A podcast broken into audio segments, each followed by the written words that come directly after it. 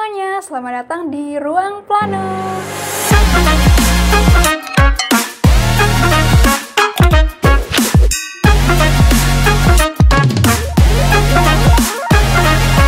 Oke, kembali lagi di podcast Plano bersama saya Salsabila. Kali ini kita dat- eh, kedatangan tamu. Yang pertama ada Bang Daud Anggara dari angkatan 18. Halo Bang, Halo, halo, halo. selamat malam. Selamat malam, Salsa. Selamat malam, Iksan, Kila, Malam bang. dan Yap. semuanya. Oke, selanjutnya ada Kak Renita dari angkatan 18 juga. Halo Kak, selamat malam. Iya, selamat malam semuanya. Salam kenal ya Karen. Iya, Aku baru pertama kali ngobrol sama kakak. Iya, salam kenal juga buat semuanya. Yap. Kali ini kita bakal berdiskusi tentang studio perencanaan wilayah kota atau perencanaan kota. Kan podcast kemarin kita ngebahas tentang studio proses. Nah, kali ini kita bakal ngebahas tentang studio perencana kota yang akan dibahas oleh Bang Daud dan Karenita. Mungkin lanj- langsung aja ya, teman-teman. Eh, di sini juga ada rekan saya, Ihsan Akbar. Halo, Iksan. Halo Caca. Halo Bang Kak. Jadi jangan disambung ya, Bangka. Kayaknya kurang enak gitu. Iya, Bang. Bangka. Ngereren, Ah, Oke, untuk Bang Daud dan Kak Karenita. Aku manggilnya apa nih, Kak? Soalnya biasanya orang pada manggilnya Kak Reren ya. iya. Boleh kok Karen juga. Oke, Ma- sip. Eh, Kakak Jangan dipanggil Mak di sini, Kak. Oke, kebiasaan. Kak Reren sama Bang Daud ini kan udah semester semester 7 ya, Kak? Iya, ya, Bang. alhamdulillah udah sampai semester Eh, tujuh. Alhamdulillah udah jadi mahasiswa Pasti tua banyak ya. banget nih ya. Oh, mahasiswa tua nggak tuh? Eh, udah enak banget nggak sih sama perkuliahan kak, bang? Sebetulnya sih kalau enak gimana ya? Lebih ke apa ya udah mulai Iya, godaan males-malesnya itu udah banyak. Kegadaan. godaan buat malesnya tuh jauh lebih banyak sih. Butuh Hmm, apa? Butuh support butuh kayaknya sebelum ngadepin semester 8 karena kebetulan kita kan udah semester 7 di akhir butuh healing-healing dulu sih kayaknya Healing mulu lu. emang butuh healing sih setiap orang, apalagi udah semester akhir ini udah bener-bener, aduh penat banget kayaknya deh buat perkuliahan. Kalau dari pandangan aku ngelihat kakak-kakak kayak gitu sih, Iya, emang udah penat sih. udah penat. Biasanya kalau kareren, kalau healing-healing kayak gitu, ngapain sih kak? Entah healingnya drakor, kayak aku kan healingnya drakor tuh. Kalau kakak gimana kak? Yoi, yoi, pasti drakor. Oh sama. Drakor Drakor juga. Emang millennials banget sih. Eh, enggak deh, generasi Z ya. Kita mah bukan millennials. Oke. Kakak dan abang ini kan udah melewati studio perencanaan ya. Eh, kalau studio perencanaan tuh ngapain aja sih, Bang? Bang Dot dulu nih. Dari Bang Dot gimana? nah jadi gini eh, sebetulnya sih eh, kalau di PWK kita ya khususnya untuk eh, PWK itu ada studio proses studio rancang kota studio apa kota studio transportasi ya apa infrastruktur dan transportasi dan terakhir ada studio wilayah nah kalau kita nih udah lewat studio kota kemarin waktu semester 6 biasanya sih semester 6 ntar kalian juga nah studio kota di semester 6 sih. Jadi eh, hampir sama sih sama studio sebelumnya cuma sifatnya sih lebih detail ya karena dan lebih rumit. Karena studio kota itu eh, produknya ada dua maksudnya eh, yang bakal kita hasilin itu ada dua yang pertama EDTR yang kedua itu PZ nanti tahapan-tahapannya juga banyak sih Sebelum dilanjut, Persiapan. PZ itu apa ya, Bang? PZ itu Peraturan namanya zonasi. peraturan zonasi. Oh, zonasi. Jadi ngelibatin zona wah, ngelibatin zonasi. Zonasi tuh kayak perbatasan perbatasan gitu nggak sih, Bang? Iya, eh, peraturan zonasi itu dia eh, ibaratnya eh, implementasi untuk pengendalian dari rencana DTR-nya. Di misal nih kita ada produk rencana apa? eh, kalau di DTR itu eh, kita misal nih contoh nentuin eh, zona perumahan di mana kalau RDTR itu di mana zona perumahannya. Tapi kalau di peraturan zonasi itu bagaimana ini apa eh, pemanfaatan tuh zona perumahannya misalnya kayak gitu. Oh gitu, Bang. Jadi eh, setelah studio kota itu tadi RDTR membuat dua itu ya, Bang. RDTR dan P, P, PZ, PZ. Iya. Lanjut lagi PZ. gimana tuh, Bang? peraturan zonasi.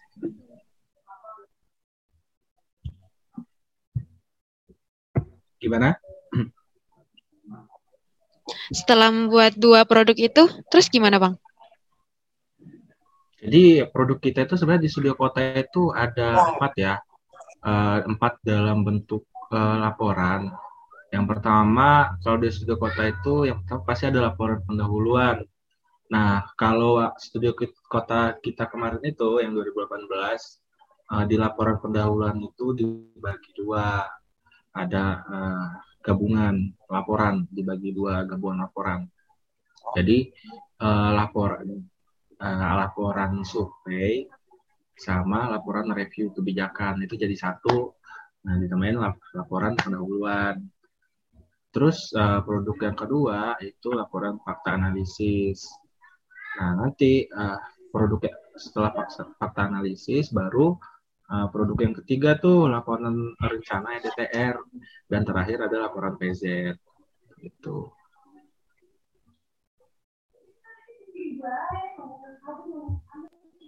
Oke, siap, Bang. Untuk kalau dari segi Kak Reren ada yang mau ditambahin nggak, Kak? Kira-kira. Ya, sebagian besar sih mungkin sama ya kayak kayak Kak Daud. Terus tadi kan eh, kamu nanyakan eh, tentang peraturan zonasi itu itu kayak gimana? Dia tuh bentuknya itu bisa kayak blok atau zona-zona peruntuk peruntukan gitu kayak misalkan entah itu zona peruntukan untuk permukiman, komersil, pemerintahan yang kayak gitu-gitu. Oh ya, lumayan paham sih. Berarti aku salah besar sih tadi pas di awal karena ngomong eh, perbatasan-perbatasan. Benar-benar nol pengetahuan sih kalau studio kota ini. Oke, siap. Kalau bedanya studio kota sama studio proses itu atau studio lain itu gimana? Apa, Bang? Eh, Kak, Bang? Ya, Jadi Tadi eh, ya. Jus siapa nih? Ya, Rere. Ayo, Kak, Kak Reren dulu mungkin ya. Ya, ya sebenarnya kalau untuk perbedaannya sih tadi udah sebelumnya udah disebutin kan sama Bang Daud.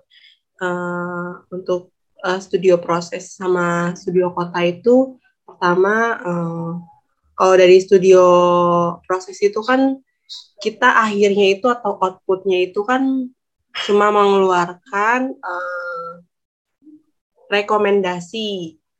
Nah, sedangkan kalau untuk di studio kota ini kan kita mengeluarkan eh, rencana dan juga eh, peraturan zonasi itu tuh nanti outputnya itu berupa rencana dan peraturan zonasi. Tuh. Mungkin dari Daud ada yang mau ditambahin, Ut? Jadi sebetulnya sih ya eh, di antara RDTR dan PZ ini eh, tadinya satu kesatuan, cuma eh, di arahan atau pedoman eh, penyusunan calon data apa RDTR dan PZ yang baru itu ada eh, peraturan Menteri ATR BPN nomor 11 tahun 2021. Jadi eh, RDTR dan PZ ini eh, isinya muatan itu beda. Kalau untuk di rencana detail tata ruang sendiri, namanya dia kan produk rencana.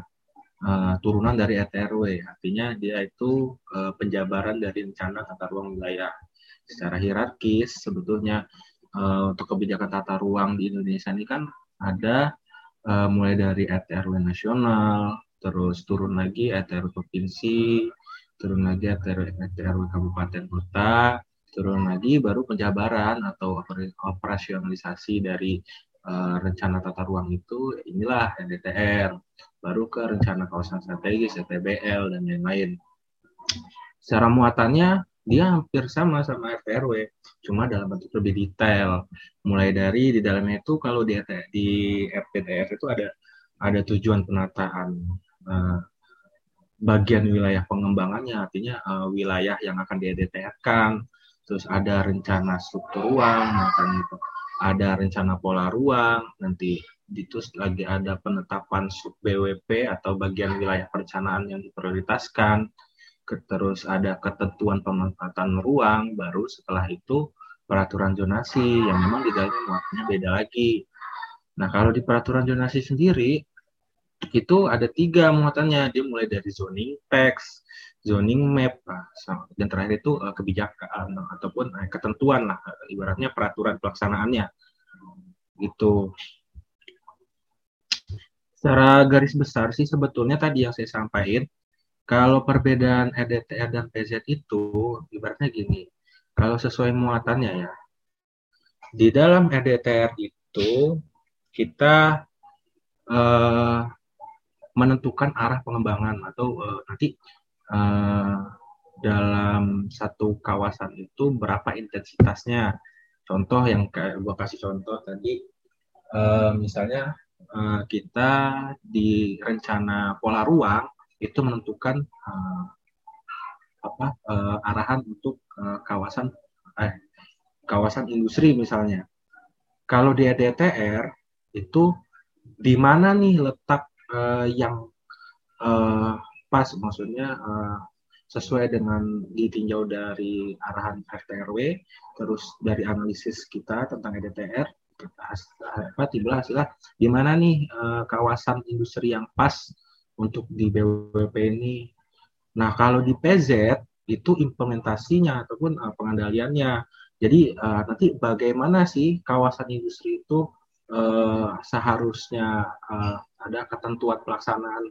Yaitu akan bagaimana sih uh, di apa di kawasan industri itu mana yang boleh diizinkan, malah mana yang uh, maksudnya uh, peruntukannya mana yang diizinkan untuk kawasan industri, mana yang tidak itu bagaimana sih sebaiknya ataupun kinerjanya dari kawasan itu gitu loh.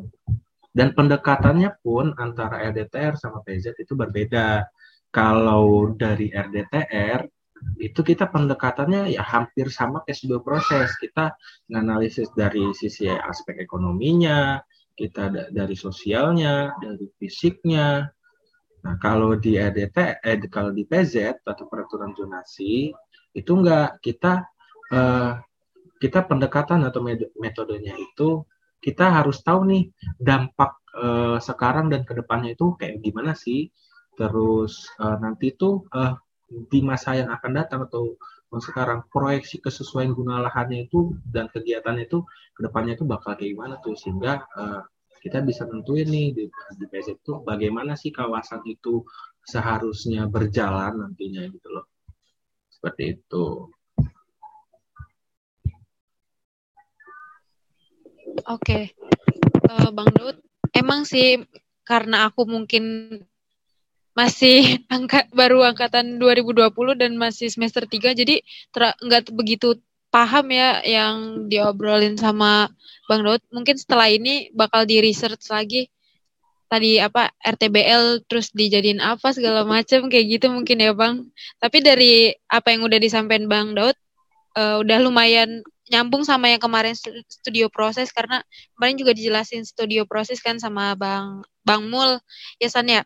Mungkin Isan ada nggak nih kira-kira yang mau di sedikit di apa nah. diobrolin sama Bang Daud sama Kak okay. Reren? Oke okay, Bang, Bang Daud sebenarnya ya, penanya Bang.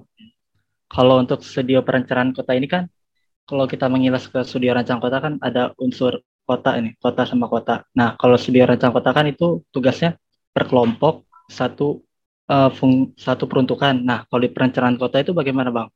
Apakah satu kelompok khusus di RDTR di RDTR itu untuk industri atau secara meluas perencanaan kota mencakup industri, komersial, permukiman? Itu bagaimana, Bang? Nah, bedanya kalau di rancang kota, kita kan itu biasanya eh, kita eh, merancang suatu kawasan misalnya eh, katakanlah eh, kawasan pendidikan kita lebih ke teknis kita menganalisis aksesibilitasnya kita menganalisis uh, supaya kawasan itu nanti ke depannya bisa berjalan dengan baik uh, gimana uh, dukungan sarana prasarananya terus uh, dari sisi uh, pencahayaan dan sebagainya lah gitu. Uh, kalau di perencanaan kota itu kita yang pertama itu uh, ad, uh, kita harus tahu ada namanya BWP bagian wilayah perencanaan. Jadi di DTR atau PZ itu sebelum kita menentukan ataupun mulai ya uh, menyusun RDTR atau PZ, kita harus tentuin dulu nih BWP mana, bisa uh, BWP bagian wilayah perencanaan mana nih yang bakal kita RDTR ini atau kita susun PZ-nya gitu loh. Karena uh, misal nih contoh kalau kemarin itu kita studio kota, studio perencanaan kota itu di Kabupaten Bekasi, itu kan Kabupaten Bekasi itu kan dibagi ke dalam beberapa WP. Nah, sebetulnya uh, per WP pun kita bisa nyusun EDTR, cuma karena kemarin hanya dalam bentuk ya mata uh, mata kuliah studio kota, jadi kita menentukan uh, bagian dari wilayah perencanaannya. Uh, dapatlah waktu itu uh, WP 2 ya, uh, WP 2 uh, dengan BWP yaitu kita tentuin Kecamatan Cikarang Pusat sebagai BWP-nya. Nah dasarnya yang pertama pasti kita uh, ninjau nih dari sisi kebijakannya. Dari sisi kebijakannya itu dalam arti, dalam arti kita lihat uh, dari mulai dari RT nasional, RT provinsi sampai kabupaten mana nih uh, memang uh, yang memang secara urgensi uh, ataupun arahan uh, pengembangan kawasannya yang dia jadi kawasan uh, jadi wilayah uh, pengembangan yang prioritas uh, untuk dikembangkan atau dibangun. Nah, biasanya kalau kita ninjau dari rencana tata ruang wilayah uh, kabupaten itu ngelihat dari hierarkis uh, sistem pusat pelayanan kotanya uh, kemarin terus juga kita ngelihat dari fungsi fungsi pelayanan uh, kotanya kebetulan kemarin itu uh, sebetulnya kita dapat opsi antara uh, Cikarang Pusat, Tambun Selatan, sama Cikarang Utara. Itu berdasarkan ke kebijakan dan juga ada lagi kita berdasarkan dengan urgensinya. Kita balikin lagi kenapa sih kita mau nyusun RDL ini? Uh, urgensi kenapa kita nyusun rencana detail tata ruang itu? Nah ADTR ini kan operasionalisasi dari RTRW otomatis uh, kita uh, menentukannya itu uh, dengan cara mana nih uh, wilayah yang uh, uh, lebih urgent untuk di RDTR kan kemarin itu karena kita dapat tiga opsi jadi scoring lah gitu. Melihat dari apa uh, pengendalian pemanfaatan ruangnya terus lihat dari peman uh, lihat dari uh, dari sisi tinjauan kebijakannya kita scoring dapatlah uh, kecamatan Cikarang Pusat sebagai bagian wilayah pengembangan itu scoring itu sebetulnya uh, alternatif si alternatif metode untuk menentuin BWP yang bakal kita editerin. Jadi beda nih kalau di rancang kota itu kita cuma satu kawasan. Tapi kalau di studio perencanaan kota itu kita jauh lebih kompleks. Uh, namanya kita, uh, kita merencanakan sebuah kota uh, uh, katakanlah yang disebut sebagai BWP lah gitu BWP yang memang punya urgency uh, dan juga lihat aja dari apa kebijakan uh, RT RW-nya hierarkisnya. Mana nih eh, apa yang kedudukan sistem pusat pelayanan kotanya paling tinggi? Uh, biasanya sih kalau di RT RW itu ada pusat kegiatan nasional pusat kegiatan wilayah pusat kegiatan lokal itu itu pokoknya uh, kita lihat uh, secara hierarkis uh, di arahan ataupun di rencana tata ruang wilayah kabupaten kotanya itu mana sih kecamatan yang memang uh, sistem pusat pelayanan kotanya secara hierarkis dia kedudukannya lebih tinggi artinya bisa dikatakan dia lebih urgent untuk diadakan terlebih dahulu itu secara dalam kecamatan. Oke bang, berarti memang benar-benar lebih kompleks ya bang ya dari studio-studio sebelumnya. Iya. Di mana ada penentuan badan wilayah perencanaan terlebih dahulu, yang lebih urgent yang mana, betul ya bang ya? Hmm. Nah, kalau secara sistem pengerjaannya itu gimana? Kita ke Kak Renita. Gimana itu Kak, sistem pengerjaannya Kak? Apakah satu kelompok harus beda badan wilayah BWP-nya harus beda-beda atau bagaimana Kak? Uh, pengerjaan apanya nih? Sistem sistem pengerjaan studionya. Uh, kalau untuk sistem pengerjaan studionya sih Eh, nggak uh, beda-beda ya. Kalau BWP-nya itu ya kayak tadi yang Bang Daud bilang sih di awal tuh pasti setiap orang itu atau setiap anggota tuh masing-masing kita tuh uh, apa namanya mencari dulu nih. Kayak nge-review gitu dari kebijakan RT RW-nya yang lebih urgensi itu kira-kira wilayah mana gitu. Wilayah kemarin kan kita dapat itu ada dua wilayah kan, ada wilayah Cikarang Pusat sama Cikarang Utara. Nah, jadi uh, setiap anggota ada juga sih, ada yang ngomong wilayah bagian Cikarang Selatan, ada yang uh, Tambun, banyak tuh. Itu jadi uh, penemuan temuan-temuan dari tiap masing-masing anggota itu kita rembukin bareng-bareng kira-kira mana yang lebih urgensi Soalnya kalau untuk uh, studio kota ini nggak bisa nggak bisa dipecah-pecah. Soalnya uh, soalnya uh, satu produk gitu kita tuh. Jadi uh, dari temuan-temuan itu awalnya kita, uh, kita cari di mana uh, wilayah yang paling urgensi dan kita dapat tadi yang Bang Daud bilang itu uh, di mana kita melakukan scoring antara wilayah Cikarang Pusat dengan wilayah Cikarang Utara di mana scoring paling besar itu berada di wilayah Cikarang Pusat. Jadi untuk uh, hasil temuan kita sebelumnya itu kita sepakat mengambil uh, wilayah Cikarang Pusat dan itu satu satu wilayah untuk uh, satu angkatan gitu, satu produk. Di mana nanti produknya itu berupa rencana dan juga uh, peraturan zonasi. Kalau pengerjaannya sih nggak pecah-pecah gitu, wilayahnya tetap satu. Cuma ya paling dibagi-bagi per aspek aja sama kayak studio-studio sebelumnya ada aspek ekonomi, terus sarana prasarana, kelembagaan, sosial budaya, terus dan juga uh, aspek uh, fisik dan lingkungan.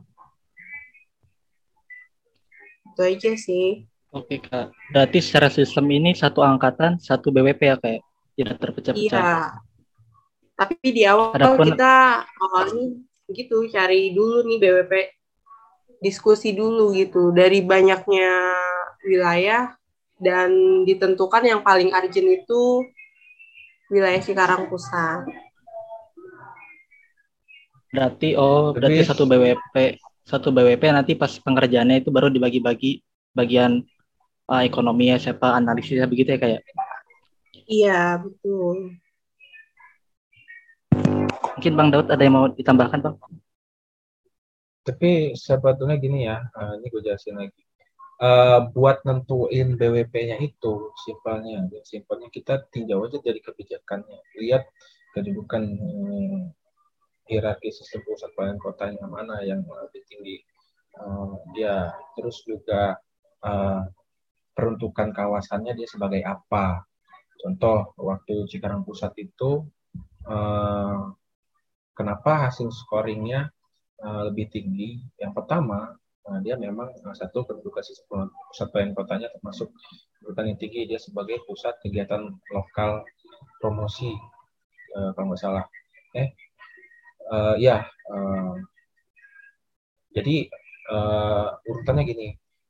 Ada pusat kegiatan nasional paling terus ada pusat kegiatan wilayah ada pusat kegiatan lokal. Nah di antara nanti setiap perubahan rencana tata ruang itu pasti ada uh, rekomendasi ataupun arahan. Uh, biasanya uh, kalau uh, PKLP atau pusat kegiatan lokal promosi itu artinya dia dipromosikan untuk sebagai pusat kegiatan wilayah. Uh, begitu selanjutnya apa dia PKWP misalnya, nanti dia sebagai uh, dia direkomendasikan atau dipromosikan sebagai pusat kegiatan wilayah promosi yang menuju uh, pusat kegiatan nasional. Nah, kemarin itu di Cikarang Pusat itu dia sebagai PKLP, artinya dia dipromosikan sebagai pusat kegiatan wilayah. Itu aja, itu satu ya dari kebijakannya.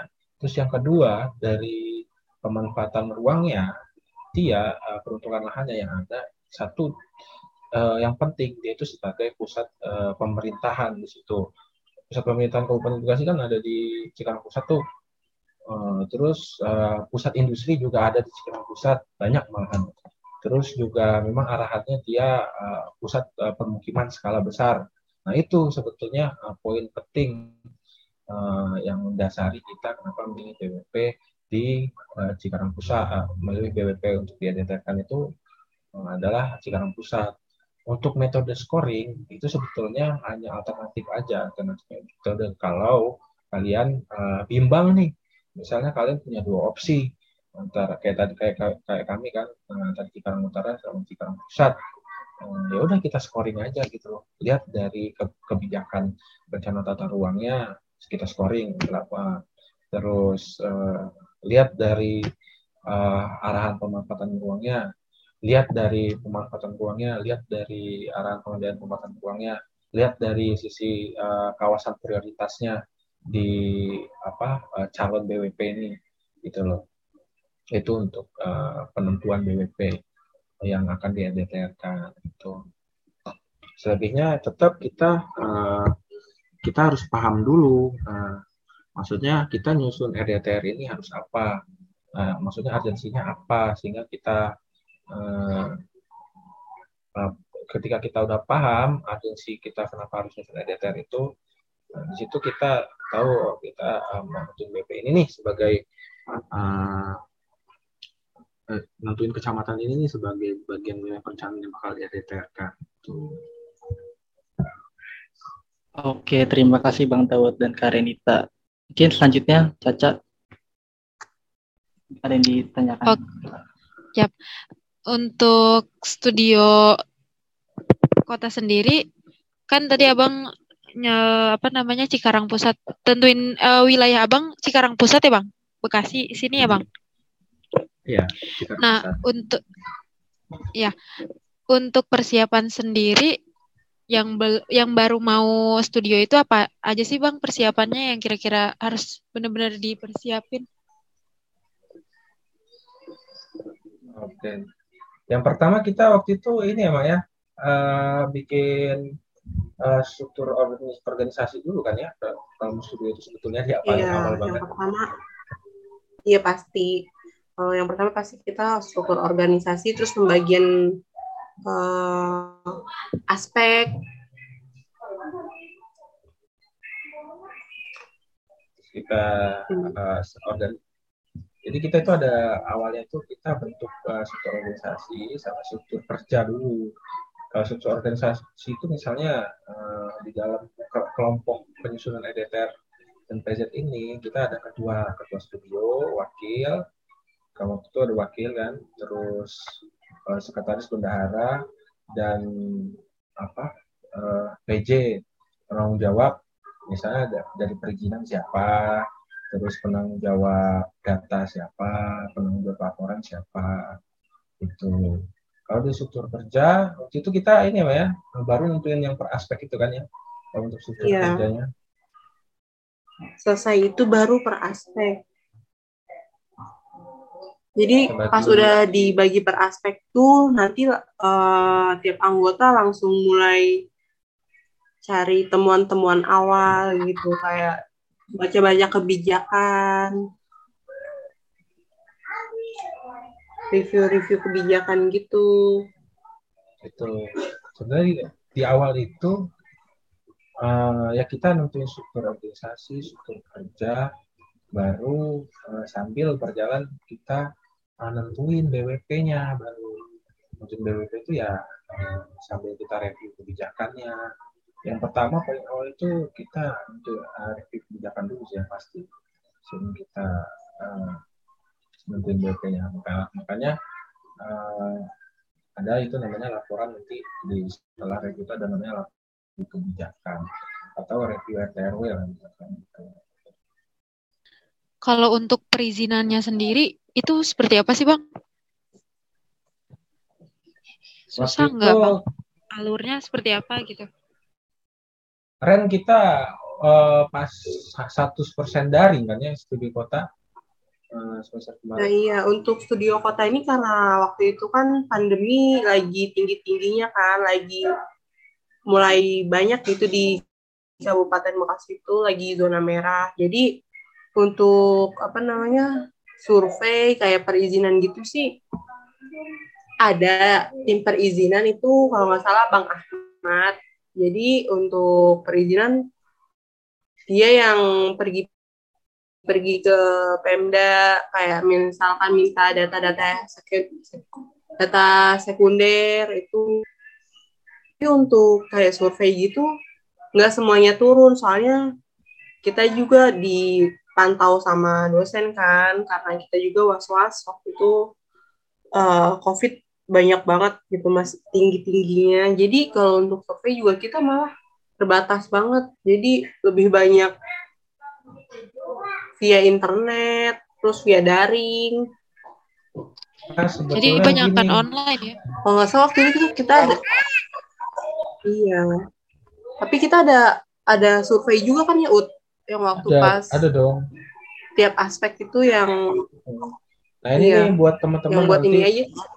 Uh, yang mau studio kota, kalau kalau misalnya studio kotanya 100% daring ya, uh, utamakan di awal itu perizinan jadi jangan terpatok pada uh, keadaan. Artinya gini, kita memang nggak bisa yeah. uh, ngelakuin survei lah, turun langsung lapangan terbatas lah katakanlah seperti itu. Hmm. Tapi uh, tinggi sebenarnya bisa aja dengan mekanismenya itu kita rubah. Misal uh, kita utamain dulu uh, perizinan untuk data sekundernya. Nah, kita minta data ke instansi-instansi. Itu kan kalau ke instansi kan nggak perlu nggak semua kan, nggak semua uh, iya. mahasiswanya uh, yang datang atau otomatis kan bisa memenuhi protokol kesehatan.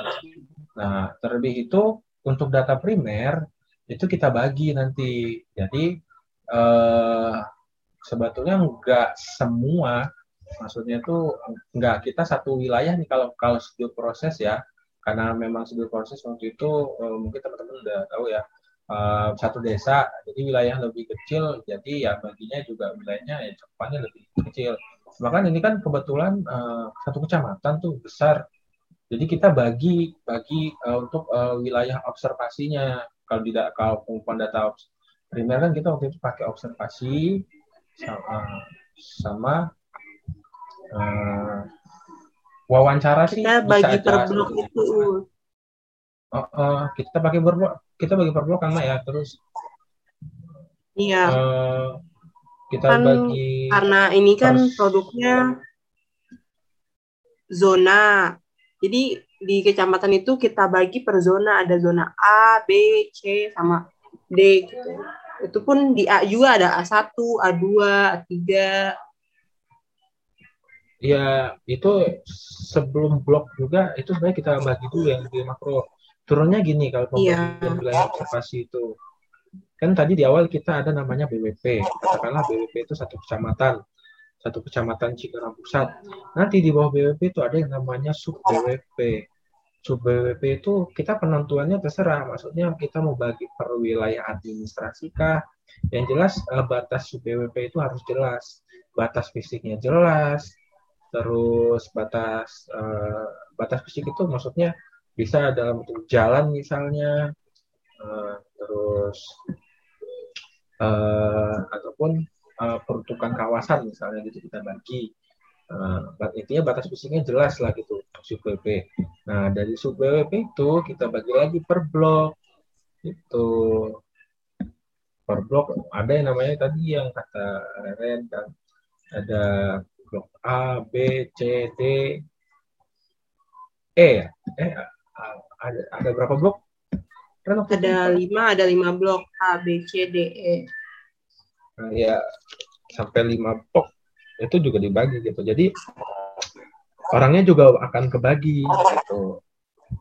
Nah sebelum kita ke survei pasti kan eh, sebelum itu selain perizinan eh, sambil perizinan seharusnya kita juga eh, sambil nyiapin alat surveinya ya kan ya. Alat surveinya itu iya. apa aja kan begitu? Kemarin kita tuh ada uh, interneri, terus jangan lupa untuk ini juga proposal. Proposal tuh dari awal tuh langsung dibuat soalnya kita perizinan juga butuh proposal. Terus kemarin apa aja ya?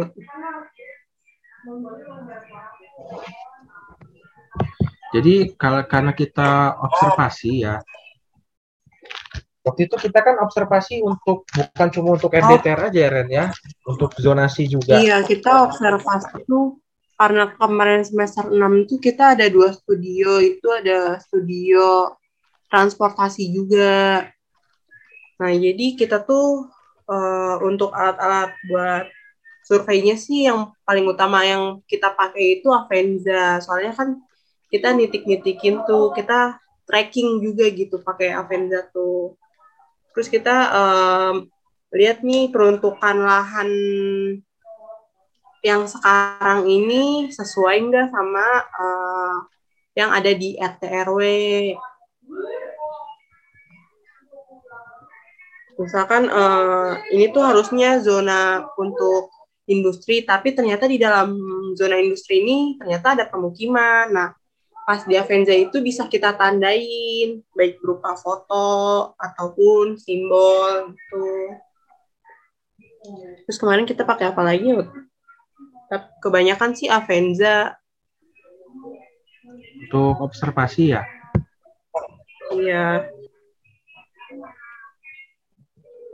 Uh, sebetulnya sih uh, kita kan uh, sekaligus waktu itu ya uh, observasi itu nggak cuma untuk rencana, tapi juga untuk uh, PZ-nya. Jadi uh, yang kita pakai itu uh, ada namanya alat survei pembantu waktu itu kita dapat kuliah tamu dari Pak Petrus. Jadi kalau untuk PZ uh, yang kita observasi itu uh, identi kita ngidentifikasi nih guna lahannya. Karena ada itu alat uh, apa uh, alat untuk observasinya khusus waktu itu tabel dibikinin sama Pak Petrus itu yang uh, kurang lebih uh, bentuknya itu kayak gimana ya isinya? Uh, yaitu uh, satu blok ini yang tadi kita kan udah bagi per blok tuh itu fungsi dominannya atau fungsi guna lahan yang dominannya apa? Misalnya perumahan komersil. Uh, di situ kita kasih keterangan data fisiknya data fisiknya itu uh, perkiraan luas parsilnya berapa, jumlah lantai bangunannya berapa, KDB KLB-nya berapa, dan itu sampel aja, nggak semuanya. Jadi per blok itu ada sampelnya. Misal di satu blok itu ada ada uh, tiga uh, peruntukan kawasan. Di situ ada ada tiga guna lahan, misalnya permukiman, terus ada perdagangan dan jasa atau home industry atau misalnya uh, uh, komersil misalnya. Nah, di situ uh, kita lihat nih uh, data fisiknya, terus juga kita lihat uh, kegiatan yang ada. Kegiatan yang ada itu artinya misalnya uh, fungsi dominannya perumahan, data fisiknya uh, yang tadi ya luas persil, KDB, KLB dan sebagainya. Terus kegiatan pemanfaatan ruang itu misalnya ini rumah tinggal, rumah deret atau rumah susun secara umum gitu. Terus uh, ada ada ada permasalahan nggak di situ di kawasan per, yang uh, permukiman itu, misalnya uh, wilayahnya itu nggak uh, ada tempat parkingnya atau on street parking lah gitu lah, sehingga bikin macet di situ di blok itu di dalam satu blok itu. Terus uh, baru dikasih keterangan penilaian misalnya oh uh, ternyata di sini permasalahannya uh, tidak tidak dengan fungsi dominan atau uh, perlu ada parkir misalnya ataupun perlu ada pembatasan operasional dari permasalahan yang kita dapat sebelumnya yang ada di kawasan itu dalam satu blok ya. Nah, gitu. Itu untuk zonasi. Kalau untuk observasi lainnya uh, misalnya untuk editor ya kita cukup lihat uh, apa uh, identifikasi guna lahannya yang ada di situ Pak Oke Bang Daud, Karen Nisa, makasih banyak Kak. Untuk suka dukanya sendiri tuh apa sih selama studio kota Kak? Mungkin dari Karenita apa suka dukanya? Tahu kakak. Aduh, Kak. suka dukanya kayaknya banyakan dukanya ya Ut. Waduh, kenapa tuh? Nah, kalau untuk studio kota ini ini Bang Daud nih ketuanya nih. Dia banyak banget dukanya nih. Nah, kalau Wah, Bang Daud. dukanya kalau sukanya kalau sukanya sih apa ya? Apa kalau sukanya? Ah intinya Kayaknya gini kalau sukanya ya paling kita bi- masih bisa kumpul lah, masih bisa kumpul, walaupun eh, pandemi ya ngerjain bisa masih kita. walaupun ya walaupun dalam masa pandemi gitu kita masih bisa kumpul sempat sempetin waktu buat kumpul. Tapi tetap jaga prokes. Terus ya kalau misalkan ada yang kesulitan ya pasti didiskusiin gitu bareng-bareng. Walaupun kadang ada beberapa orang yang nggak hadir gitu kan kalau ya itu termasuk duka sih kayak banyak eh, di studio kota ini kalau kata Bu Keti itu awal mula perpecahan. Pokoknya di betul banget kemarin. Iya iya kak. Soalnya kemarin juga aku sempat nyinggung ke podcast sebelumnya tuh katanya kalau studio itu Hmm. awal mula perpecahannya pertemanan. katanya gitu. Terus dijawab sama eh, Bang Mul Bener sama. Bang Rizky juga jawabnya demikian. Iya sebetulnya Iya, emang bener di studio kota itu kak kalau awal kalau dibilang awal mula perpecahan awalnya ya. Ya itu di studio proses betul. Nah kalau di studio kotanya karena dia lebih rumit lebih kompleks jauh lebih kompleks pokoknya. Kalau kata Bu Keti eh, sama Bida itu intinya studio kota itu merubah tatanan sosial kalian Di situ, Eh, iya betul, Ren. Waktu itu kita ini ya, Rusak intinya istilah yang namanya eh, apa ya, is- udah banyak nih ya, udah muatannya banyak, analisisnya banyak, udah apa ya yang harus kita kerjain di studio kota banyak. Pas ketiban waktu itu. Dan- eh, kita studionya double ya, Iya, apalagi studio kita Iya, double up dalam keadaan orang anggota kita juga limit gitu. Cuma ya kita kan angkatan kita juga sedikit kan. Terus kerjaan kita Udah. banyak dan yang ngerjain itu itu aja ya gitu lah.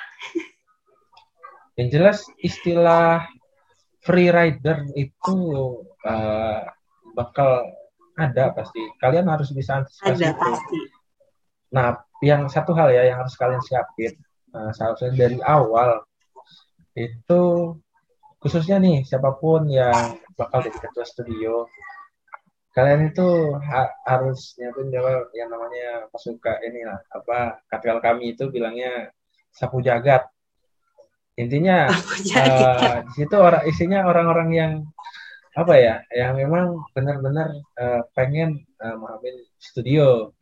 Pokoknya eh, dia niat lah gitu ngajarin kalau apa, apa ya apalagi kondisi daring kayak gini ya online kayak gini jelas eh, godaan-godaan kita buat males itu masih banyak masih besar lah gitu iya. yang sebelumnya males, yang sebelumnya males tambah males, yang sebelumnya rajin jadi males. Itu. Iya, Intinya ya kalian eh, harus bersiap lah gitu. Yang namanya studio kota itu pasti berubah tatanan sosial kalian. Kalian bisa tahu lah. Kalian akan sangat sangat tahu eh, karakteristik dari teman-teman kalian. Eh, ada yang memang eh, kelihatannya nih friendly, dekat nih. Maksudnya, oh apa rajin nih, membantu, membantu kegiatan studio. Tapi ternyata memang di belakang dia nggak ngerjain apa-apa. Itu pasti ada, itu nanti ada. Kalian akan ngalamin itu hal-hal negatif yang kalian ketemu sama teman-teman kalian yang jadi free rider itu, katakan kalau kalau kami itu free rider ya, ya itu pasti ada. Itu jadi tantangan tantangan kalian. Di luar dari tantangan tantangan tantangan lainnya ya, entah itu dari situasi kondisinya yang memang dari yang online, jadi kita terbatas ya, mulai dari pengumpulan data terbatas, dan kita yang buat nyari data dan informasi itu terbatas begitu ya dibikin apa eh, mekanisme yang sekitar kalian lah gitu. Eh, ini. maksudnya eh, kayak misalnya tadi ya yang gua bilangin sama Reret eh, misalnya perizinan perizinan itu kalau bisa segera dilaksanakan di awal diselesaikan. Jangan Iya, terlalu terfokus terpatok pada eh, keterbatasan yang ada. Padahal sebetulnya ya kalau kita kayak minta, minta data ke ini, ya sebenarnya sama aja. Tetap bisa kita lakukan gitu loh. Tetap kita bisa lakukan minta data-data itu. Walaupun Soalnya kan perizinan itu prosesnya lama ya Utin. Ya, perizinan itu bisa dikata rona awal. Dia dibilang rona awal.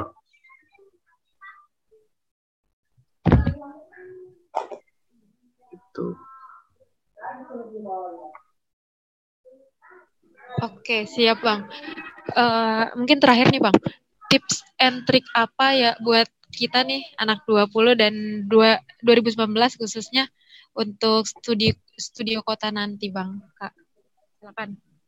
Mungkin Siapa dulu nih? Bang Daud dulu. Eh, enggak, enggak, Kak. Kak Reren dulu mungkin ya. Keren aja tuh. Sama aja sih bakal nanti Ayo, Kak, trick sok. and, Iya pasti sama jawabannya Yep. soalnya tipsnya juga tadi udah sempat Bang Daud bilangin gimana buat jaga-jaga supaya eh, apa tadi eh, gimana kalau misalkan ada free rider itu tuh dari awal kalau bisa untuk khususnya ketua itu nanti tuh dia udah cari nih eh, kira-kira orang-orang yang mana aja gitu yang bener-bener bisa bantu dia kayak buat nyelesain studio ini yang bener-bener rajin lah yang pasti dia bakal ikut andil gitu dalam studio ini. Soalnya itu buat jaga-jaga sih kalau kata Bang Daud tadi bikin grup sapu jaga. Emang iya beneran kok Eh, di angkatan kita itu ada grup sapu jagat sebenarnya sapu bersih sih nama grupnya itu. Jadi di, di dalamnya tuh eh, itu tim sapu bersih itu baru dibuat sayangnya itu baru dibuat pas pertengahan. Pas udah mau akhir malah ya Ut ya waktu itu. Hmm. pas udah mulai mau rencana kalau nggak salah kan. Jadi itu eh, untuk tim itu tuh pasti dia yang kayak ngatur semuanya gitu kayak ngatur entah tuh membantu eh, per aspek atau apa terus kemudian eh, tipsnya juga misalkan ada teman-teman yang males walaupun dia free rider atau apa jangan dibiarin tetap kalian tarik tetap kalian kasih tugas kalian eh, tagih tugasnya walaupun banyak alasan itu kan tetap ini ya apa namanya kewajibannya mereka gitu. Tapi buat jaga-jaga ya kalian juga untuk tim sapu bersihnya gitu tetap saling koordinasi terus ya intinya komunikasinya sih komunikasinya lebih diutamakan mungkin Oke, Bang siap, Daud mau ngasih tambahan Ya, berarti benar-benar komunikasi ya kak dari Kak nomor satu tuh. Kalau dari Bang Daud sendiri gimana Bang? Oke, uh, eh, kalau dari gua yang harus kalian utamain uh, melihat dari apa ya maksudnya uh, keadaan studi kota gua waktu tahun apa semester sebelumnya itu pokok penting memang komunikasi. Nggak cuma komunikasi antar kita ya maksudnya teman-teman kelompok di studio kita pun antar uh, kayak misalnya yang sudah mungkin sudah menjalankan studi rancang kota dan studi proses itu komunikasi dengan dosen pun harus tetap dijaga. Uh, ya, waktu itu uh, ya sebagai bahan koreksi aja sih uh, supaya adik-adik uh, nanti yang bakal uh, studio apalagi kondisi dari kalian kayak gini ya kalau ada hal atau ada teknis atau ada poin uh, uh, pengerjaan ataupun tahapan dalam pengerjaan yang kalian nggak paham, yang betul-betul kalian nggak paham ataupun yang sedikit buat kalian nggak paham, itu jangan ragu untuk tanya. Kita ini uh, nggak tahu ya uh, yang gue lihat di uh, kampus khususnya ya khususnya yang gue lihat di mahasiswa PWK itu termasuk gue sendiri angkatan gue sendiri lah karena untuk angkatan gue sendiri itu untuk aktif bertanya.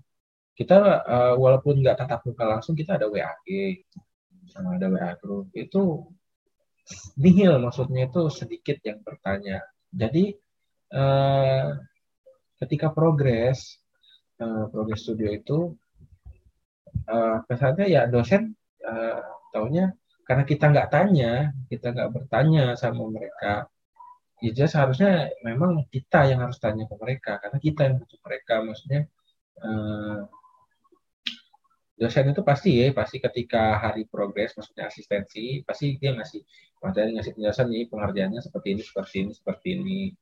Uh, untuk progres uh, sampai ke hari selanjutnya itu kita mengerjakan.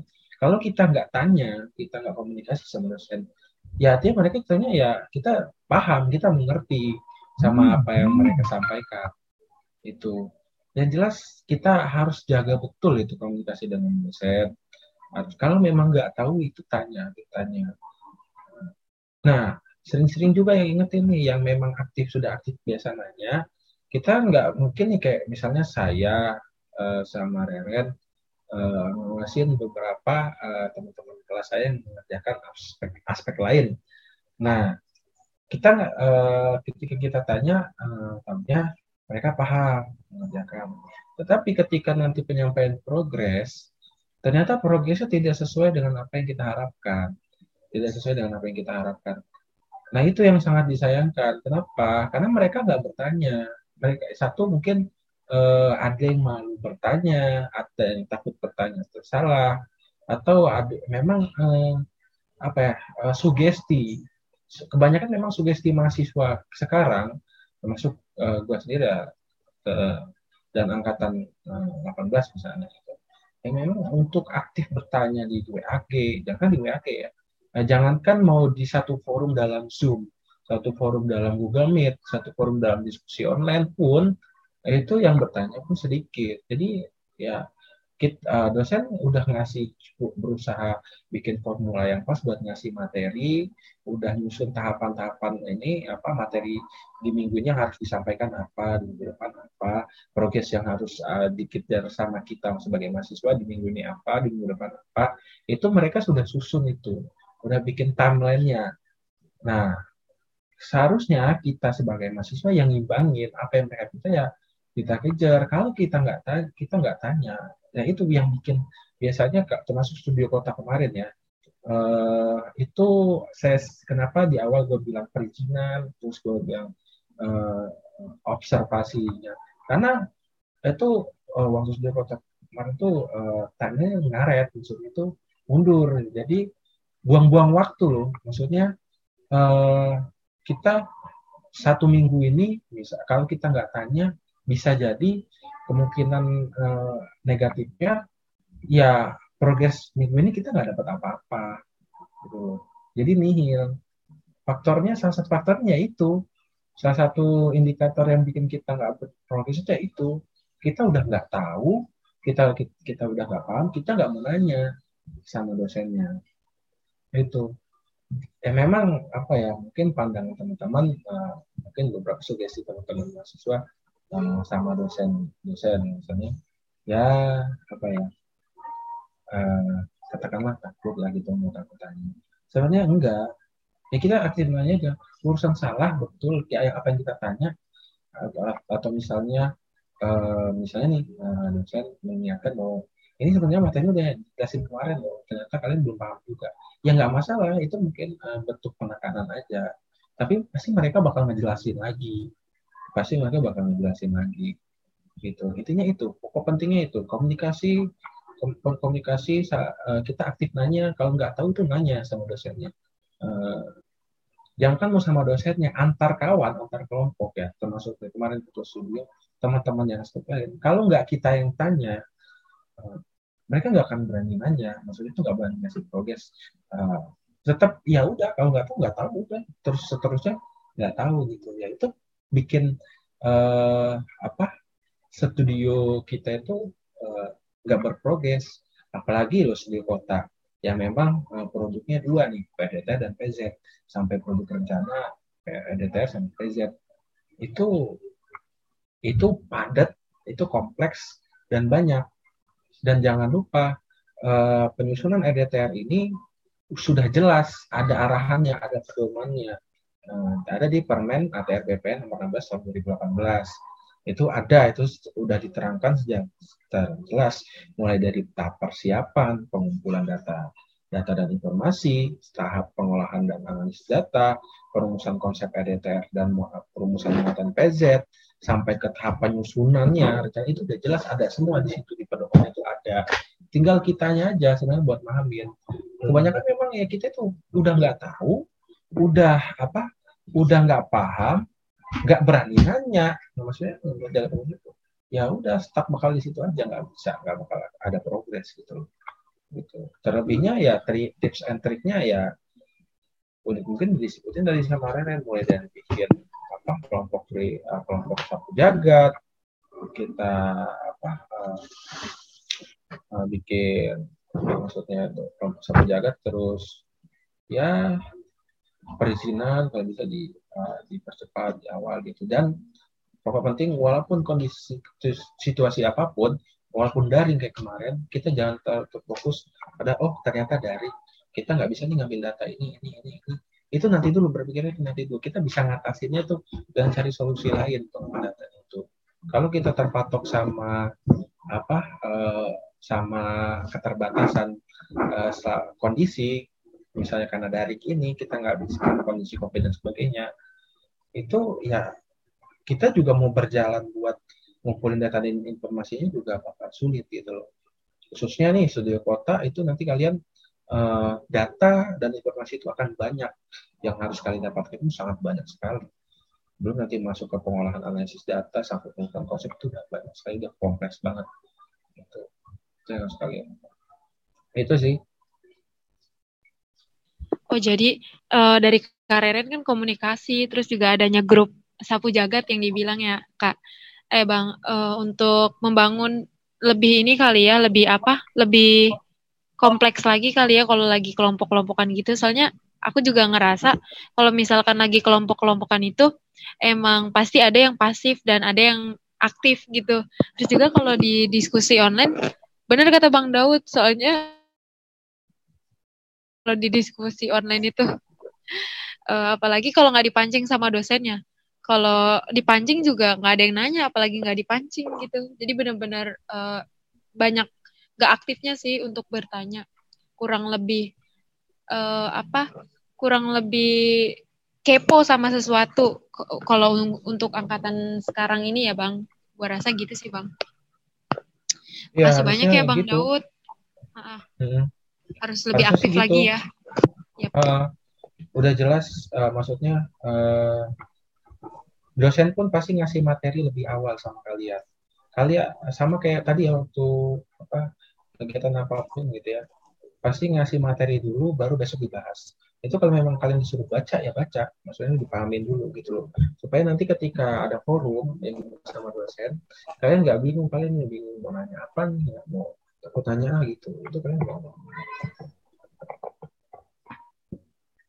itu sih Oke, siap. Makasih banyak Bang Daud uh, dan Kak Renita juga untuk waktunya udah bersedia nih jadi bintang tamu podcast kita pada malam hari ini.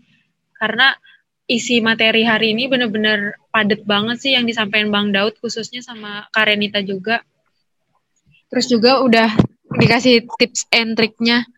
Yang pertama tadi udah dijelasin sama Kak Renita tuh komunikasi, adanya grup, untuk membangun komunikasi yang lebih lagi dalam satu kelompok. Terus juga dari Bang Daud juga aktif bertanya. Semoga materi uh, semoga podcast kita malam hari ini benar-benar teman-teman dengerin ya. Makasih banyak ya Bang Daud udah hadir pada podcast malam hari ini juga. Makasih sama Kak Renita udah bersedia juga untuk jadi tamu kita pada malam hari ini. Terima kasih Kak. Bang terima kasih.